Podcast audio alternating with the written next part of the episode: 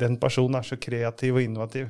Sånn er det jo ikke. Noen er det. En, ikke sant? Og, og, du må ikke være sånn spesielt åpen og kreativ. Eh, noen in innovatører er jo det, mens andre er veldig systematisk og stegvis og veldig sånn derre den som eh, skulle lage covid-vaksine, tror jeg ikke var veldig åpen og kreativ og sånne ting. Det var liksom Følte det stegvis. Jeg tror det er rett. Vi har den myten om den som bare kommer opp med den fabelaktige ideen og bringer verden noe nytt. Ja, og de er heldigvis da få. For den gode nyheten er jo at alle kan være innovative og være med og endre seg. Mm. Og endre organisasjonen sin og verden. Og. Du hører på Fleksitid, en podkast fra Fleksibel utdanning Norge. Innovasjon er et av disse ordene man møter overalt. I bedrifter snakkes om innovasjon for å overleve i en stadig skarpere konkurranse. Sykehus skal innovere for å hjelpe flere pasienter og bruke mindre penger. Kommuner må være innovative for å tiltrekke seg flere innbyggere. I EU er innovasjon løsningen for å minske de regionale forskjellene. I Norge er innovasjon måten vi skal greie oss på den dagen oljen tar slutt. Kort sagt, innovasjon og ambisjonen om å være innovativ er noe vi finner i alle deler av samfunnet. Men innovasjon er mer enn nye dingser og ny teknologi. Bedre prosesser, tjenester, løsninger og hvordan man kan organisere seg og bruke ny teknologi, kan i seg selv være en innovasjon. Søkelyset på innovasjoner dreier seg ofte om å spare ressurser og penger, gjøre systemer mer effektive og redusere kostnader. Innovasjon kan også dreie seg om å øke livskvalitet, gi bedre opplevelser og øke kvalitet på produkt og tjenester. Men innovasjon har også en mørkere side. Utviklingen går raskere, og teknologi blir fortere utdatert. Det bidrar til at takten på forbruket vårt øker, og vi bruker opp ressurser. Dette er ikke bærekraftig. Dette er rett og slett en premiere og en førpremiere på en gang. Aller første episode av Fleksitid og vår rekke av innovasjonspodkaster innledes av Atle Hauge, professor i innovasjon ved Høgskolen Innlandet, som leser fra sin lærebok i innovasjon, som er så ny at den ikke har kommet ut ennå. Og da lurer jeg på, og det lurer lytterne på også, hvem er Atle? Ja, nei, jeg er jo mye, da, så klart, som alle andre her. Jeg er jo professor i innovasjon, jeg kommer fra Hamar. Men den viktigste rollen jeg har, er jo så klart som eh, alle andre som har prøvd det, det er jo å være forelder. Jeg er jo jeg er faren til to fine unger, ikke sant. Det er jo den aller viktigste rollen jeg har, så det er kanskje det som definerer meg mest. Ja. Det er noe innovativt i det også. Hvert barn er en ny, ja, ny skulle, mulighet. Ja, jeg skulle ønske det kom med en uh, bruksanvisning. Det, det, gjør jo ikke det. Så det er, uh, der er det jo innovasjon hele veien, eller i hvert fall det å prøve å forbedre seg, da. Å prøve å bli bedre på det å være forelder, det er jo alle, alle faser har jo sine utfordringer. Ja. Men nå er jeg heldig, da. Som alle andre har jo fått uh, to verdens fineste barn. Så det, jeg var jo heldig der. Var det der de havna? Ja, det var der de havna hos meg òg. Jeg tror alle har, har, det litt sånn, da. Ja, det er bra. Mm. Og så sa jeg sånn litt sånn flåsete at det også er innovasjon. Men hva er innovasjon, sånn ja. egentlig? Um, det er mange forskjellige definisjoner, så klart. Som alt annet som er populært, så blir det jo mange som uh, har noen mening rundt det. Men ofte, da, så koker det ned til at det må være noe nytt, og så er det noen som bruker det nye her. Det er læreboksdefinisjonen. Ja. Og er det sånn, kan vi si at innovasjon da, er det et bredt felt eller et smart felt? Innovasjon og forskning er jo etter hvert et utrolig bredt felt. Der har det jo veldig mye, mye ulike tilnærminger og, og, ulikt. Ehm, så alt ifra det helt lille, som er enten om du kaller det stegvis innovasjon, eller brikolasj, som liksom handler om den kontinuerlige forbedringen som du må gjøre hele dagen, eller de store som virkelig endrer på hvordan vi organiserer oss, hvordan vi lever samfunnet våre, hvordan vi, hvordan vi eh, i det hele tatt lever. da. Eh, så det er alltid fra det bitte lille til det, det grunnleggende samfunnsendrende. Oi, Så det betyr altså at det går an å innovere bare lite bitte grann? Ja, det er jo det vi gjør de aller, aller fleste, da. Hele tida. Eh, eh, og det tror jeg er viktig å huske, da. Du trenger liksom ikke noe ny patent og noe revolusjonerende for at det skal være en innovasjon. Det holder at det er eh, litt bedre enn eh, sånn det var før. Ja, den, den første læreren som flippa klasserommet, f.eks.? Ja, det er i hvert fall en innovasjon. Det, vært, det, er, eh, det var jo veldig, veldig innovativt. Eh, her er det en interessant, i hvert fall for oss som akademikere, hvor går grensa mellom læring og innovasjon? For innovasjon betyr jo at, du liksom, at det skal få et visst gjennomslag. Mens vi som individer lærer jo hele tida. Så innovasjon må jo gå ut til litt flere, ellers så blir jo det begrepet helt utvanna. Da blir jo alt det vi gjør, innovasjon. Fra liksom å lære oss bokstaver til å Ja, eh, hele veien, da. Så det, det er, tenker jeg er et viktig skille. Innovasjon må gjelde litt flere enn enkeltindividet. Ok, så hvis jeg gjør noe nytt som får innvirkning på bare meg, så kanskje jeg lærer. Ja, Hvis jeg gjør noe som får innvirkning på flere, så kanskje det er innovasjon. det tror jeg kan være et bra utgangspunkt. Ja. Så kan vi diskutere detaljene etter hvert. da, vet du hva, I hvilken grad er dette her en forbedring, i hvilken grad er dette nyttig for flere, osv. Ja, for det må være en forbedring. Det holder ikke at jeg finner på noe nytt, og så Nei, det gjør ikke det. Det må være noe litt bedre. Og så kan du jo definere, da. Er det bedre for deg, for bedriften din, eller er det bedre for samfunnet? Det er sånn vi forskere er opptatt av. For eksempel for um, noen år siden så var det jo veldig mange, mye innovasjon innenfor finanssektoren. De ulike eh, finansinstitusjonene hadde verktøy som gjorde at de kunne kapitalisere på låna sine. Og dette her var jo i hvert fall eh, en viktig årsak til finanskrisa. De, de kom opp med nye løsninger som var bra for dem som bedrifter, innovativt for dem, men for samfunnet som helhet så ble det jo ganske ødeleggende. Ja, det gjorde det. Ja. Det er fortsatt folk som sliter med den. Ja, nei, folk og land og regioner og ja.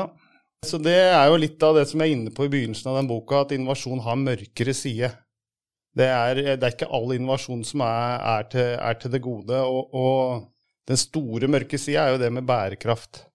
Hvordan da? Nei, litt tabloid, da, så kan du si at innovasjon er årsaken og løsningen til alt vi sliter med når det gjelder bærekraft. Vi har, eh, Som samfunn så har teknologien utvikla seg så fort at vi tar ut ressurser mye fortere enn det, vi, eh, enn det verden egentlig klarer å håndtere. Og så legger vi igjen så mye søppel og avfall, eh, som òg er et problem. Så det teknologisk utvikling og innovasjon på transport, på kommunikasjon, på alt mulig, gjør at vi i- dag forbruker ressurser i et tempo som ikke er bærekraftig. Og samtidig så er det mange som peker på at måten vi skal få dette bærekraftig, er å komme med nye innovasjoner. Bedre teknologiske løsninger. Eh, energisystemer som eh, leverer like mye inn som det tar ut. Eh, transport som er liksom nullutslipp osv. Så, videre. så det er eh, eh, litt forenkla, både løsningen og, og svarene og, og årsaken til alle problemene våre. Ja. Så, det ble stort. Det ble hele verden og omliggende atmosfærer, det. Ja, Det er det som er det interessante for meg da, som forsker. Innovasjon og tekniske løsninger i seg sjøl er jo spennende. Eh, Jeg er sånn som elsker å lese populærvitenskapelige bøker om eh, ulike innovatører og høre på podkaster om det osv. Men eh, som forsker så er det veldig spennende å se hvordan de eh, nye teknologiske løsningene hvordan det endrer oss. Hvordan vi som samfunn eh, eh, organiserer oss på andre måter. Eh, hvordan teknologien påvirker oss. Og hvordan vi påvirker teknologien. Det samspillet der, da. Det er kanskje det mest spennende, syns jeg, med feltet mitt. Og fra det kjempesvære hele verden og inn i det bitte lille klasserommet. Ja. Um, håpet er jo gjennom alle disse innovasjonsepisodene vi spiller inn, at vi også kan stimulere til innovasjon i utdanning og undervisning. Kan det også være farlig? Ja, det kan det jo. Eh, Nå er det Det har jo allerede blitt en klisjé, da. Det, alt som skjedde under pandemien og korona, hvor fort vi endra oss der, og, og alle mulighetene som det åpna opp. Men også så vi at alle problemene det førte med seg, som f.eks. mer isolasjon, eh, at folk ramla ut fra utdanning litt kjappere, at de Kanskje de flinke de klarte seg veldig bra her òg, mens de som sliter litt mer, de har kanskje litt lettere for å ramle av eh, når du ikke treffer læreren, da, når du kjører alt eh, digitalt. Så her igjen da, så har du utrolige muligheter gjennom teknologi og innovasjon, og, og ikke minst hvordan vi organiserer oss og bruker den innovasjonen her. Men det er òg en mørkere side som vi, jeg mener at vi må behandle seriøst og ordentlig.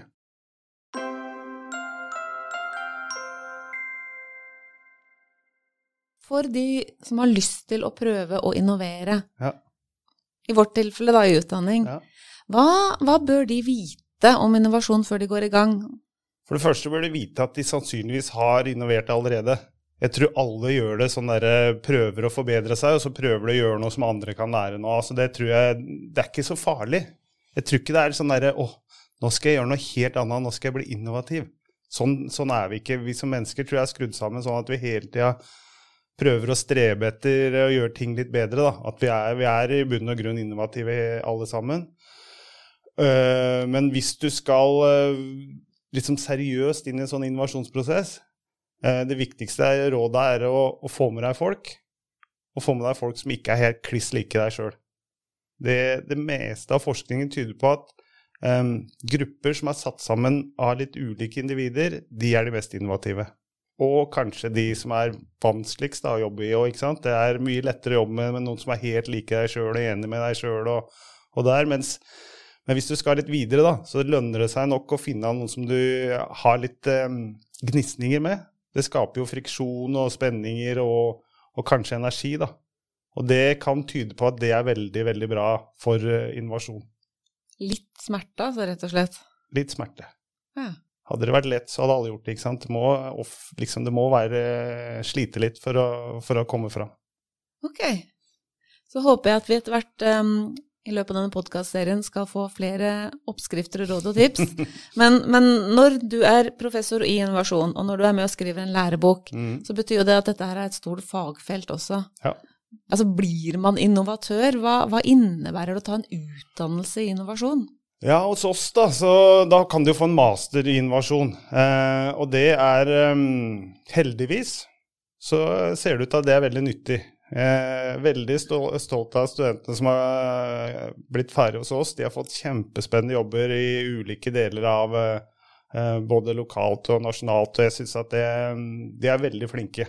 Eh, så du for å bli innovatør eller ta en master i innovasjon, så kan det jo bli veldig mye. Det er en slags eh, samfunnsvitenskapelig utdanning. Så som alle andre samfunnsvitenskaper så er det jo det er litt potet. Kan brukes til mye forskjellig. Har du noen eksempler på noen som har brukt det i skole? Ja. Eh, ei som eh, tok jobba i skolen, tok etterutdanning, skrev masteroppgaven sin om, eh, om, innovasjon i skolen, og liksom har tatt med seg det videre.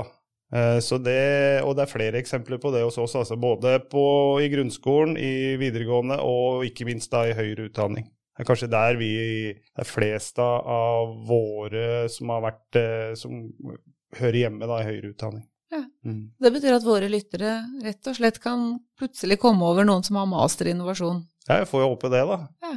Det, er de heldige. Det er flinke, flinke, studenter vi har hos oss, altså, som jeg er veldig, som sagt veldig, veldig stolt av.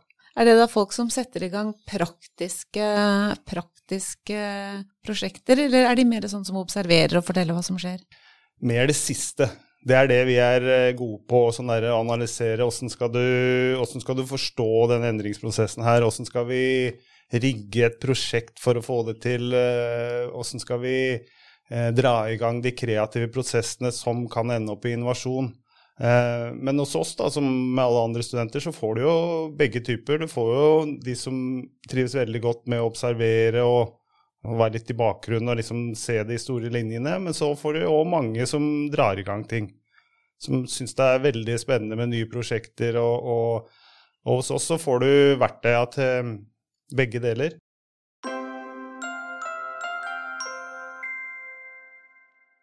Senere i serien så skal vi også snakke om innovasjon i utdanningen og lære studentene og elevene å innovere og endre seg, det som Mihaela Tabakaru kaller det endringskompetanse. Mm. Eh, men kan du fortelle litt om hvordan hva trengs, hva trenger studenter, hva trenger elever fra sine undervisere? Hva trengs at skoler og universiteter gjør for å lære studentene å bli innovative eller endringsdyktige? Det er å lære seg samarbeidet. samarbeide. Det å lære seg at det, kunnskap eh, er, er, grunnlaget her, og kunnskap er jo en sånn ressurs som er litt spesiell. Jo mer du deler av den, jo større blir den. Ja. Så når studentene lærer det, selv den, når du har kollokviegruppe, selv den smarteste lærer i den kollokviegruppa. Så det å, å, skjønne det, at du er en del av noe større, det tror jeg er kanskje den aller, aller viktigste, viktigste lærdommen de, de kan få med seg. Innovasjon skjer i grupper, altså? Ja, det er selv om da vi liker liksom å dyrke de innovative heltene, sånn Elon Musk og, og Bill Gates og alle de der, Ja. så hadde jo ikke de fått til noen ting. Hadde de ikke vært flinke til å bygge team rundt seg. Ja. Eh, så til og med de store heltene her, de er veldig avhengige av teamet rundt seg. ja.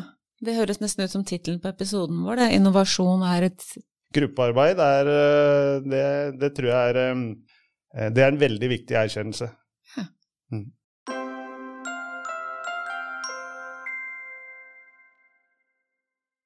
Men du, jeg kommer liksom ikke over denne læreboka. Jeg syns Ja. det høres så gøy ut med lærebok-innovasjon. Det syns vi òg. Hva hva, hva kommer den til å handle om? Og, kom, det, og kommer den til å bli interessant for våre lyttere? Altså, vi har jo shownotes Mm. under episoden her.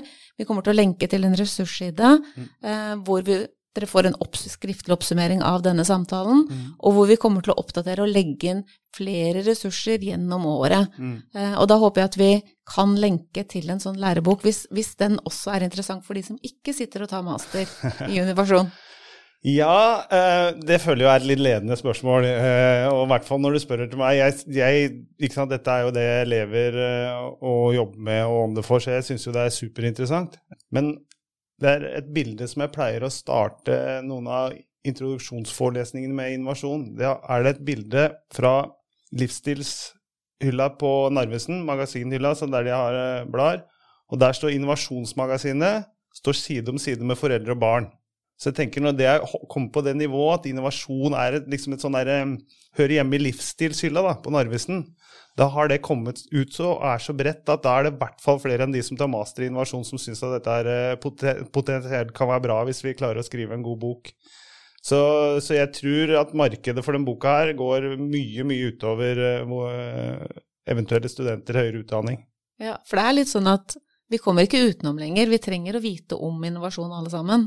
Ja, og i hvert fall litt sånn eh, skille snørr og barter. da. Alle snakker om innovasjon og hvor viktig det er. og ikke sant? Jeg skal like å se den eh, organisasjonen som ikke har at de skal være innovative eller et eller annet i, i sine visjoner eller strategier. Så da å vite hva det egentlig er snakk om, det tror jeg er eh, ufattelig viktig. Og det blir bare viktigere og viktigere jo mer innovasjon brer om seg da, som, som begrep.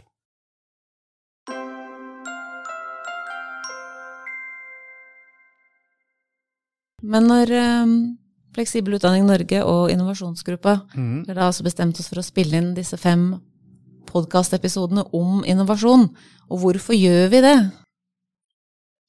Ja, nei, det er jo fordi det er et fantastisk spennende emne, og alle bør lære mer om det. Det må jo være det som er grunnen, eller hva? Jo, jeg tror det. Ja, ja. Men uh, igjen, da. Jeg er jo, dette er jo jobben min og karrieren min og det jeg forsker på og det jeg lærer bort, så, så jeg, finnes jo ikke, ikke objektiv i det her, så klart. Men uh, Så det blir jo spennende å, å få tilbakemeldinger fra den podkasten her, da, om den brer seg litt uh, videre ut enn uh, liksom den uh, den harde kjernen menigheta. Det, det vil jo være veldig gøy å høre tilbakemelding på, på det her. Det er veldig spennende, så lik og del, som de sier på Facebook. Ja, det er lik og del.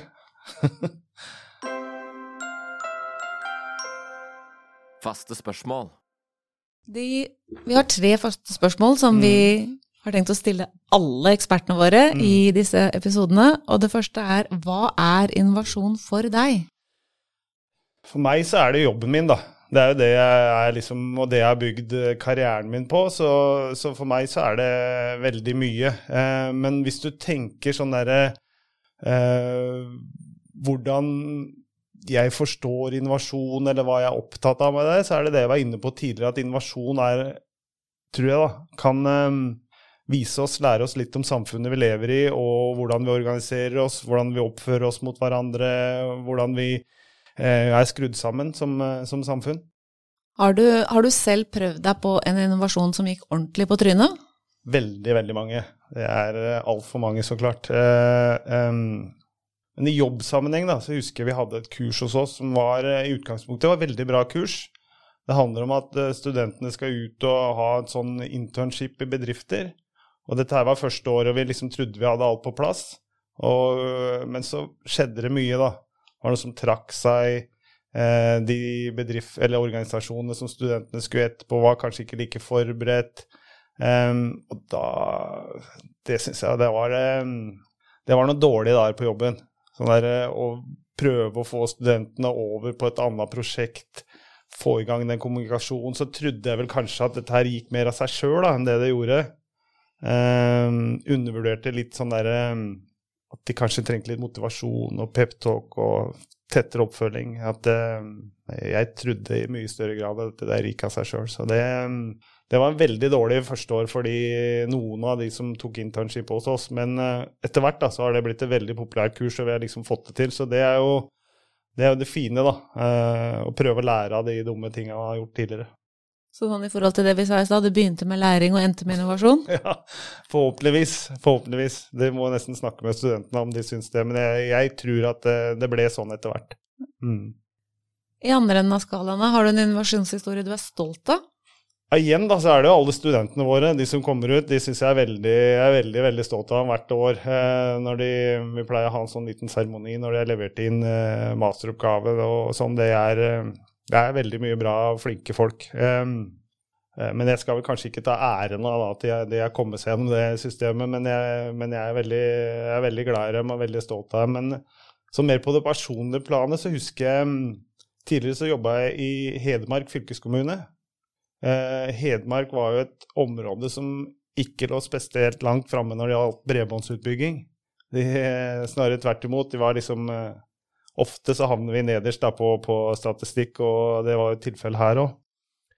Så da fant vi ut at vi hadde jo ikke penger til å investere i bredbånd, men som kunde så trengte vi jo bredbånd over hele fylket. Så da gikk vi ut med en litt sånn eh, innovativ da, eh, anbudsutlysning, der vi søkte om eller spurte etter et mye høyere kapasitet enn det de videregående skole og tannhelse trengte rundt om i fylket, for å kunne gi eventuelle tilbydere mindre risiko, litt mer langsiktighet, eh, gi de et instrument for å gå inn i det her. Og da, da klarte vi det, da, eh, i samarbeid. Det var det lokale energiselskapet, eh, Eidsiva, som fikk det, det, det oppdraget, og de etablerte jo Eh, det som etter hvert ble Eidsiva Bredbånd. Nå vet jeg ikke, jeg husker ikke helt hva omsetningen deres er, men den, ble ganske, den er ganske formidabel etter hvert. Og at det ble en ekstra Eller det gjorde da at vi i Hedmark en stund hadde bra bredbåndsutbygging. Til og med til Koppang og Rendalen og steder som ellers hadde kommet veldig veldig langt bak i, bak i leksa. Ja, det var altså noe som ble nyttig for mange? Ja, det tror jeg ble veldig nyttig for mange.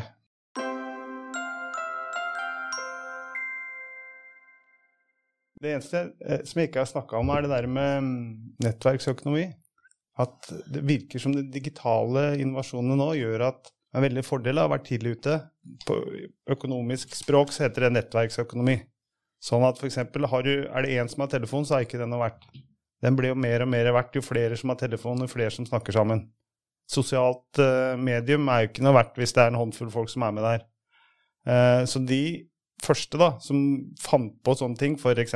sosiale medier, bildedelingstjenester osv., de har en nå virker som en uforholdsmessig stor fordel. Det er fryktelig vanskelig nå å komme og skal etablere et sosialt medium. Eh, da må du konkurrere med Instagram og, og Twitter og, og, og, Facebook, ikke minst. Det er utrolig vanskelig. Så det virker som at de som kom først inn i den digitale økonomien her, de har tjent seg ufattelig rike og mektige. Så I mange tilfeller så drar de stigen opp etter seg. Så de, de befester den posisjonen de har, og blir bare rikere og rikere. F.eks. han Besos Bezos i Amazon. Selv om han delte halvparten av pengene sine med ekskona, så er han fortsatt en av verdens aller, aller rikeste, fordi han eh, skjønte det tidlig, da, at det lå penger i det å, å kunne handle på, på nettet, og ikke minst gi tilbakemelding til potensielle kunder hva, de, hva han trodde at de kom til å ha, ha, lyst på. Så for den som skal tjene penger på innovasjon, så gjelder det å ikke sitte stille og vente, man må bare gjøre det, sette det ut i livet og jobbe for å få det til å skje? Ja, det er sant. Men så trenger, bør det kanskje ikke være den aller første. Det, er, det, var sosiale medier før Facebook òg, det var eh, MySpace osv. Men du må kanskje lære av det. Altså, det er noe som, innovasjon er noe som heter first mover advantage. At du er den første som gjør noe. Men kanskje det burde ha vært eh, second mover advantage. Du må lære litt av de dumme feilene den første gjorde, og så kan du gå inn. Ja.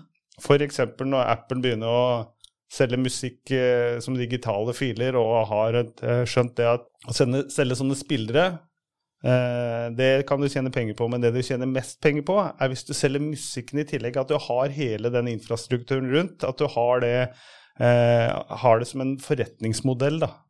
Du tilbyr brukerne noe nytt, men ikke noe helt nytt. Ikke Vi har sant? vært borti det lite grann før, men du tilbyr det bare best.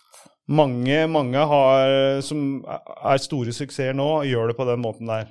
Apple har jo fått veldig liksom at de har vært så veldig innovative og først ute og sånne ting, men hvis en går nøyere etter, da, så er det meste av det de har gjort, er det noen andre som har gjort før. Men Apple klarer å gjøre det litt bedre og litt enklere, og, litt, og ikke minst det at de klarer å tjene penger på den infrastrukturen rundt.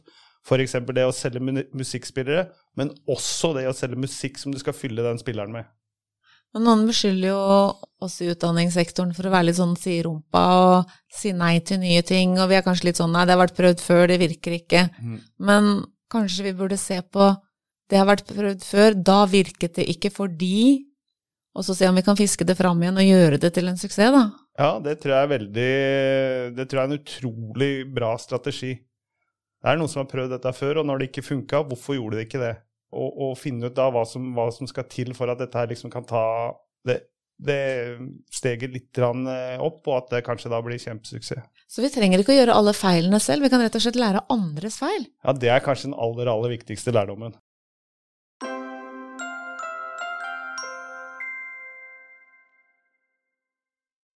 Da har jeg altså lært i dag det aller viktigste er at innovasjon er gruppearbeid. Det er ingen som innoverer alene, det er teamet rundt. Og selv om det kan gjøre vondt å jobbe sammen med folk som er veldig forskjellige fra deg selv, så er det der ofte de nye ideene oppstår. Og så har jeg selvfølgelig lært at innovasjon handler om at det må ikke bare være nytt, men også være nyttig for flere. Det er ikke innovasjon før andre folk har nytte av det. Men hvis man gjør noe nytt helt for seg selv, så kanskje vi kaller det for læring. Og så håper jeg at dere følger oss videre på nettsiden vår, som det ligger lenke til under på shownotes. Du har nå hørt podkasten Fleksitid fra Fleksibel utdanning Norge. Vi jobber for at god utdanning skal være tilgjengelig for alle, uavhengig av bosted, livssituasjon og individuelle behov. Det er gull. Ja. Rett og slett.